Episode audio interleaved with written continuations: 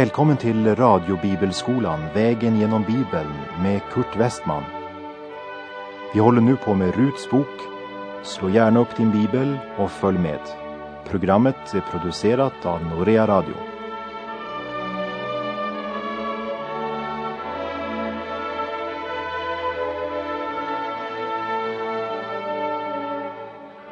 Vi avslutade förra programmet med Elimeleks änka Nomi som efter att hennes man och hennes söner hade dött där i Moabs land får höra ryktet om att Gud hade sett till sitt folk i Betlehem och gett dem bröd. Så vittnesbördet om vad Gud hade gjort för sitt folk, det hade nått helt till Moabs land. Och det budskapet väckte något till liv igen hos Noomi, för det var ju egentligen i Betlehem som Noomi hörde hemma. Hon hade egentligen aldrig glömt Betlehem. Och det var inte bara det att det nu åter fanns bröd i Betlehem. Men här i Moab präglades allt av avgudsdyrkan. Man var främmande för Israels Gud. Och likt den förlorade sonen säger Noomi, nu vill jag gå hem till Betlehem, där jag hör hemma. Vi skulle aldrig ha lämnat brödhuset. Vi såg mera på problemen än på honom som har lösningen. Och nu vill hon hem. Hon har för mer än tio år sedan lämnat brödhuset, fars hus, för att tillsammans med sin man söka lycka och tillfredsställelse i främmande land. Precis som den förlorade sonen. Och likt den förlorade sonen känner också den förlorade Nomi längtan hem till Faderns hus. För de som inte längtar efter gemenskapen i Fars hus, de är helt enkelt inte Fars barn.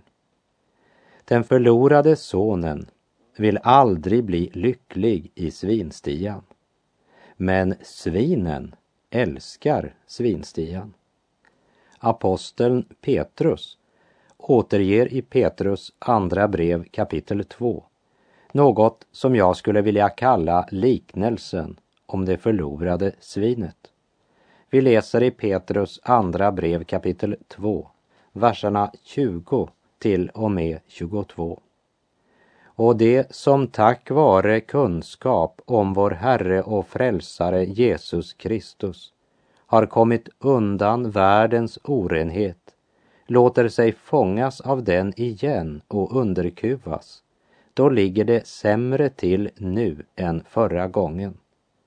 Det hade varit bättre för dem att aldrig ha fått kunskap om rättfärdighetens väg än att ha kunskapen om den och sedan dra sig undan det heliga bud som de har mottagit. Det har gått dem som det så sant sägs i ordspråken. Hunden vänder om till sin spya och tvättat svin vältrar sig i smutsen. Tvättat svin vältrar sig i smutsen. Ja, fars barn vill aldrig i längden trivas i svinstian. Och svinet vill aldrig i längden trivas i fars hus. Ett tvättat svin vill förr eller senare åter vältra sig i smutsen.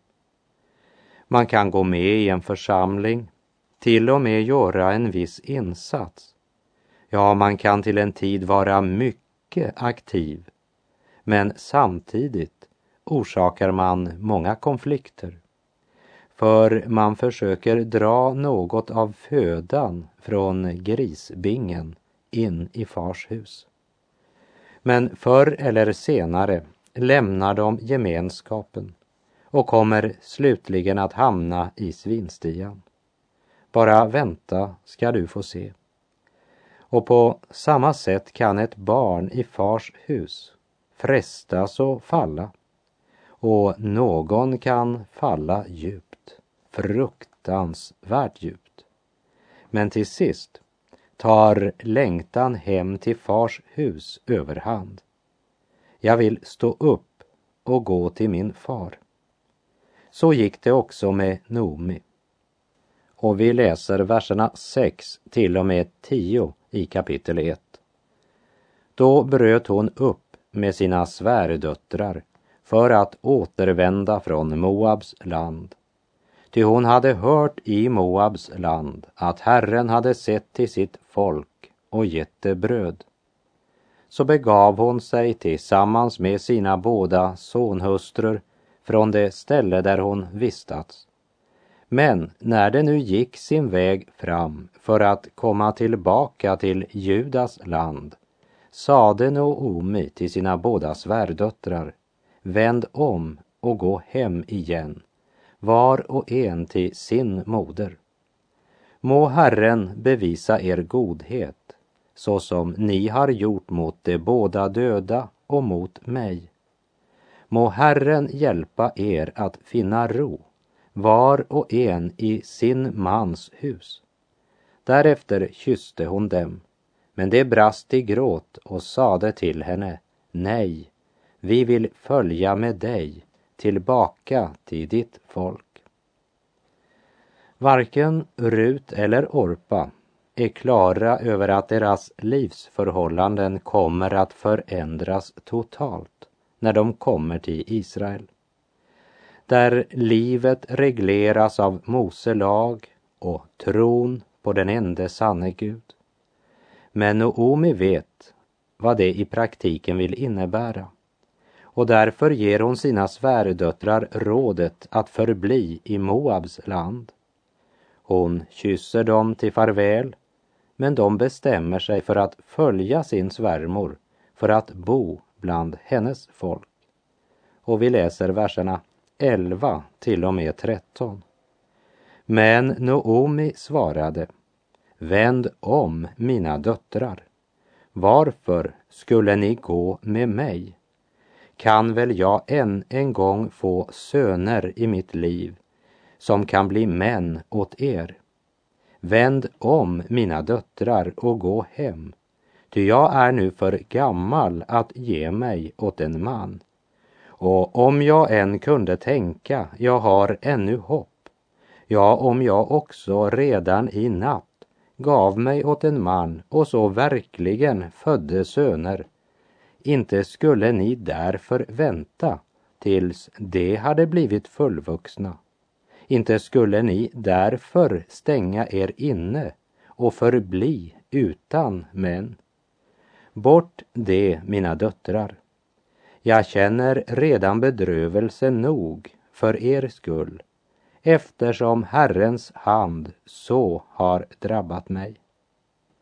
Nomi förklarar att judarna inte har någon gemenskap med moabiter och eftersom Rut och Orpa är moabiter så kommer det att kosta dem allt att göra sällskap med Noomi. Om de stannar i Moab kan de gifta sig igen. Men om de nu reser till Betlehem så finns det inga möjligheter för dem att få sig någon man. Annat än om Noomi skulle få fler söner vilket ju är helt uteslutet. Och de kan inte heller ta med sig någon av sina avgudar. Och omoralen som präglar den religiösa aktiviteten i Moab, den blir straffad med dödsstraff genom stening i Israel. Noomi gör klart för dem att om de väljer att följa med henne så betyder det att lämna allt. Och eftersom de inte kan räkna med att bli gifta igen i Betlehem och Nomis förmögenhet hade gått förlorad i Moab, därför måste de då vara inställda på ett liv i yttersta fattigdom och isolering. Det Naomi egentligen säger är att Guds dom hade gått över Elimeleks hus. Hon hade förlorat både sin man och sina söner och hon säger att det är därför att Herrens hand har drabbat henne. Hon hade en gång levt i brödhuset. Men hennes man hade med hela sin familj utvandrat till Moab. Och hela Elimeleks hus hade drabbats av Guds dom. Och den var de också tvungna att bära om de gick med henne. Därför ber hon dem att stanna. Och efter den förklaringen brister Rut och Orpa i gråt.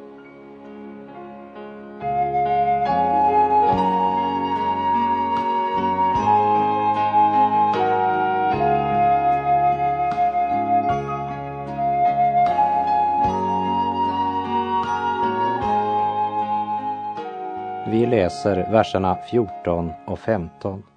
Då brast det åter i gråt och Orpa kysste sin svärmoder till avsked. Men Rut höll sig alltjämt intill henne. Då sade hon, se din svägerska har återvänt till sitt folk och till sin Gud. Vänd också du tillbaka och följ din svägerska. Nu har vi kommit till en verklig korsväg i Ruts och Orpas liv. Orpa ville nog också följa Noomi, men efter att ha lyssnat till Noomis ärliga budskap om vad hon hade att vänta sig på den vägen, så inser hon att priset är för högt för henne. Hon kommer att få det bekvämare om hon stannar i Moab och därför väljer hon att också göra det. Och hon återvänder till sin avgudstyrkan och därmed vandrar hon ut från bibelhistorien och vi hör aldrig mer om henne. Men det är andra saker som upptar Rut. Hon väljer för tid och evighet. Och du återfinner hennes namn i början av det nya testamentet. Men Noomi vill pröva henne om hennes avgörelse är äkta och så ber hon henne att vända tillbaka tillsammans med Orpa som vi ser i vers 16. Men Rut svarade, försök inte övertala mig att överge dig och vända tillbaka från dig. Ty dit du går vill också jag gå och där du stannar vill också jag stanna. Ditt folk är mitt folk och din Gud är min Gud. Ruts klara svar visar dels hennes stora omsorg för sin svärmor men också hennes längtan efter att lära känna Israels folk och Israels Gud. Och det är verkligen värt att noggrant lägga märke till. För det är som en profetisk röst från hednavärlden som förkunnar att en gång ska också hedningarna söka och finna den sanna Gud och inlemmas med Herrens Israel. Jag tror att det vi här bevittnar är en sann och äkta omvändelse. Rut väljer att bli ett med Guds folk. I Andra Korinterbrevet 7.10 står det En sorg efter Guds vilja leder till en omvändelse som ger frälsning och som ingen behöver ångra. Men världens sätt att sörja leder till död. Och Rut fortsätter sitt klara vittnesbörd och säger till Noomi att hennes val är inte bara ett val för livet, men ett val för evigheten. Och vi hör i vers 17. Där du dör vill också jag dö och där vill jag bli begravd. Herren må straffa mig nu och i fortsättningen om något annat än döden kommer att skilja mig från dig. Det första Rut säger är, dit du går vill jag också gå. Det vill säga, jag har beslutat mig för att följa dig och jag ska följa dig. Och det är inte bara ett försök på att få ingångsbiljett till brödhuset Betlehem. för jag är klar över svårigheterna du kan få när du återvänder från Moab. Det andra Rut säger det är där du stannar, där vill också jag stanna. Det vill säga, jag ska inte bara göra dig sällskap på resan, men jag kommer att helt och fullt identifiera mig med dig och din tunga livslott. Jag accepterar din fattigdom. Vi bär ju samma namn nu. Och det tredje hon säger är, ditt folk är mitt folk. Det vill säga, jag lämnar mitt folk, lämnar avgudsdyrkan, lämnar den moabitiska livsstil och identifierar mig helt med ditt folk, därför att det är Herrens folk. Det är mitt val. För man kan inte bli avgjord för Gud utan att identifiera sig med Guds folk. Det är alldeles omöjligt, det förstår du. Och det visste Rut. Hon visste att hon blev föraktad av sitt eget folk, moabiterna. Men hon säger, ditt folk ska vara mitt folk. Och så kommer det fjärde, och din Gud är min Gud. Genom Noomi och hennes familj hade Rut för första gången fått verklig kunskap om den Gud som man i Moab eljest bara hade hört rykten om. Budskapet om honom som är himmelens och jordens skapare. Jehova, den ende sanne Gud.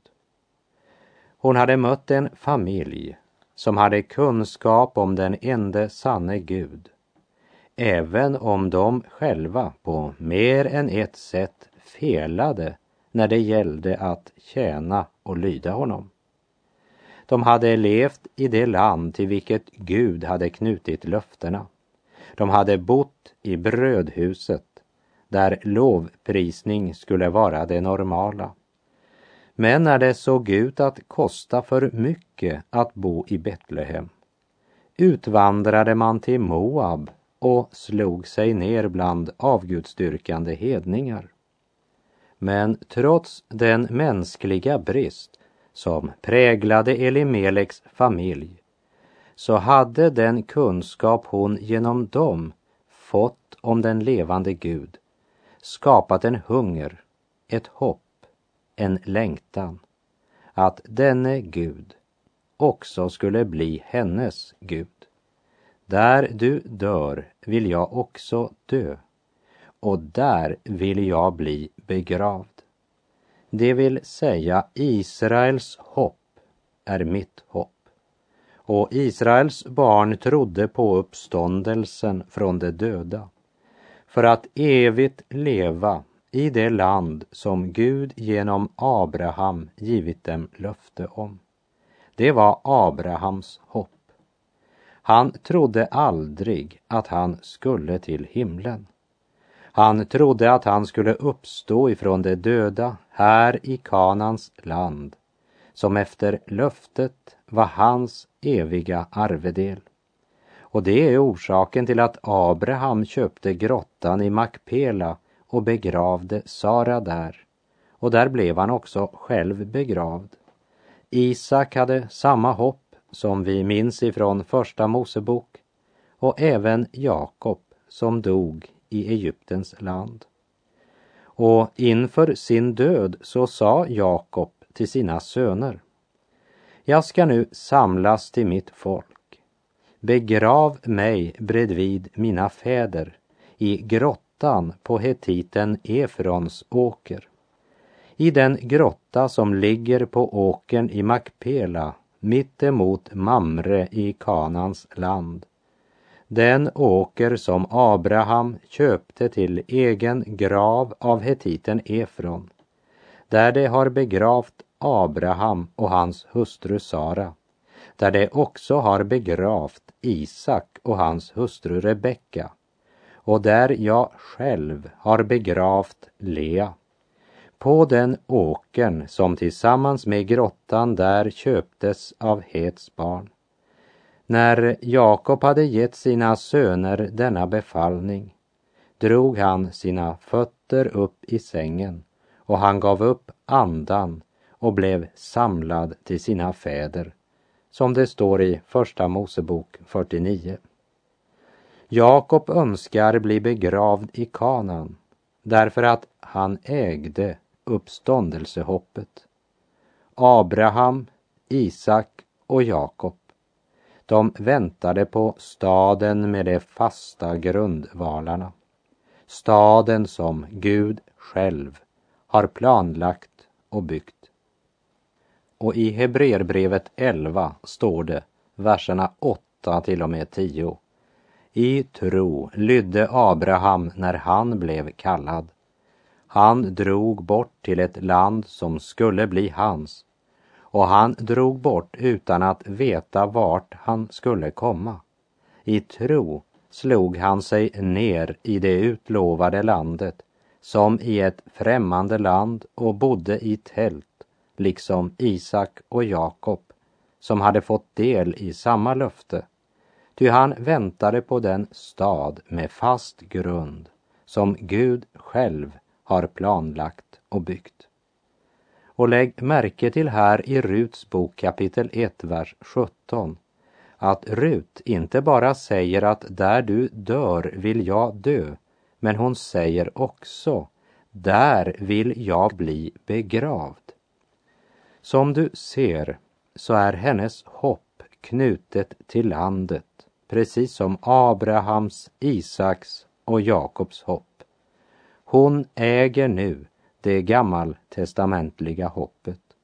Och hur djupt Ruts tro och omvändelse verkligen sträcker sig.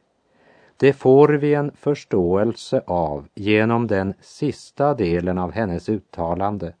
Herren må straffa mig nu och i fortsättningen om något annat än döden kommer att skilja mig från dig. Ruts avgörelse är för tid och evighet. Hon har genom kunskapen om Gud mottagit kallelsen och hon svarade ja och lämnar allt för att följa Nomi och bli ett med Herren och Herrens folk. Hon är redo att börja vandringen mot Betlehem.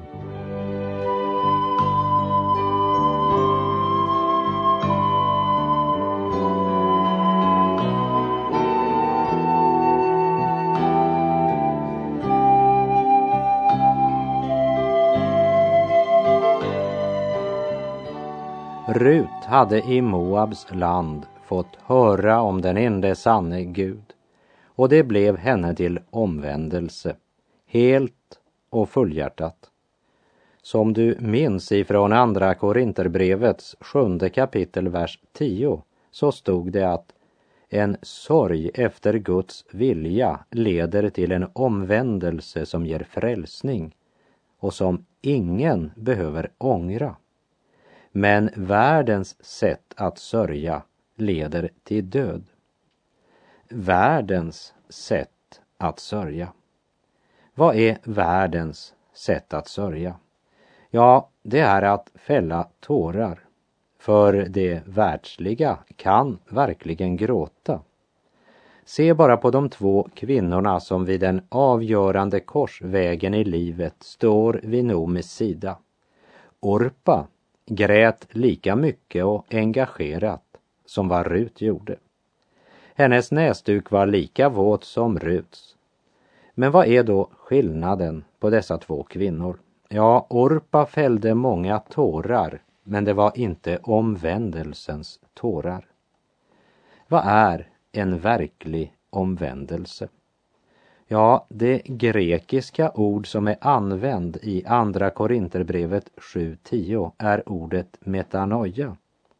Det betyder att ändra sinnelag, sinnesändring. Det betyder att du vandrar i en riktning, men så ändras ditt sinnelag och du vänder om och börjar gå i en annan riktning. Många människor kommer till den punkten att de ser sig dömda, och de har tänkt att förändra sin vandringsmål. I alla fall säger de att de har det. Och så fäller de några tårar. Och så fortsätter de precis som förr. Det är just vad Orpa gjorde. Hon var lika känslomässigt engagerad som Rut. Hon grät tillsammans med Rut och Nomi. Men hon kunde inte lämna Moabs gudar och Moabs liv för att gå till Betlehem. Det berättades om en gammal ångbåt som den gången trafikerade Mississippifloden och som hade en liten ångpanna och en stor visselpipa.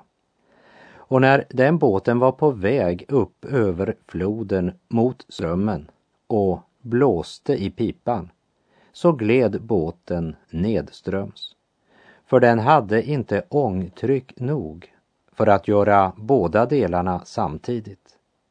Och det är många människor som påminner om ångbåten med den lilla, lilla ångpannan och den stora visselpipan. De har aldrig kommit till den kunskap som leder till personlig gemenskap med den uppståndne Kristus. O, vad de fäller många tårar över sina synder. De blåser i pipan och är verkligen känslomässigt engagerade. Och de kan också ge ett känsloladdat vittnesbörd. Men de lever inte ett liv i helgelse och gudsfruktan. Likt Orpa var det något som de inte kunde ge upp. Något i deras liv som fick dem att gråta med Noomi utan att lämna Moabs land. Man gick aldrig till Betlehem. Det är inte tårarna som är det avgörande. Men frågan är, har Kristus blivit Herre i ditt liv? Eller har du bara fällt några tårar? Rut lämnade allt och vittnade, din Gud är min Gud. Och vi läser verserna 19 till och med 22. Så gick de båda med varandra tills de kom till Betlehem. Och när de kom till Betlehem kom hela staden i rörelse för deras skull. Och kvinnorna sade, detta är ju Noomi. Men hon sade till dem, kalla mig inte Noomi, utan kalla mig Mara. Ty den allsmäktige har låtit mycken bedrövelse komma över mig. Rik drog jag bort härifrån och tomhänt har Herren låtit mig komma tillbaka. Varför kallar ni mig då Noomi när Herren har vittnat mot mig? När den allsmäktige har låtit det gå mig så illa? Så kom då Noomi tillbaka med sin sonhustru, moabitiskan Rut, när hon vände tillbaka från Moabs land och det kom till Betlehem när kornskörden började. Elimelek och hans hustru Noomi hade trott att deras räddning i hungersnöden, det var att utvandra till Moab. Men både Elimelek och de båda sönerna miste livet i Moab. Och Noomi, som ännu var i livet, hade blivit fattig och tom. För synden ger aldrig vad den lovar. Och med det säger jag tack för den här gången. Gud är god.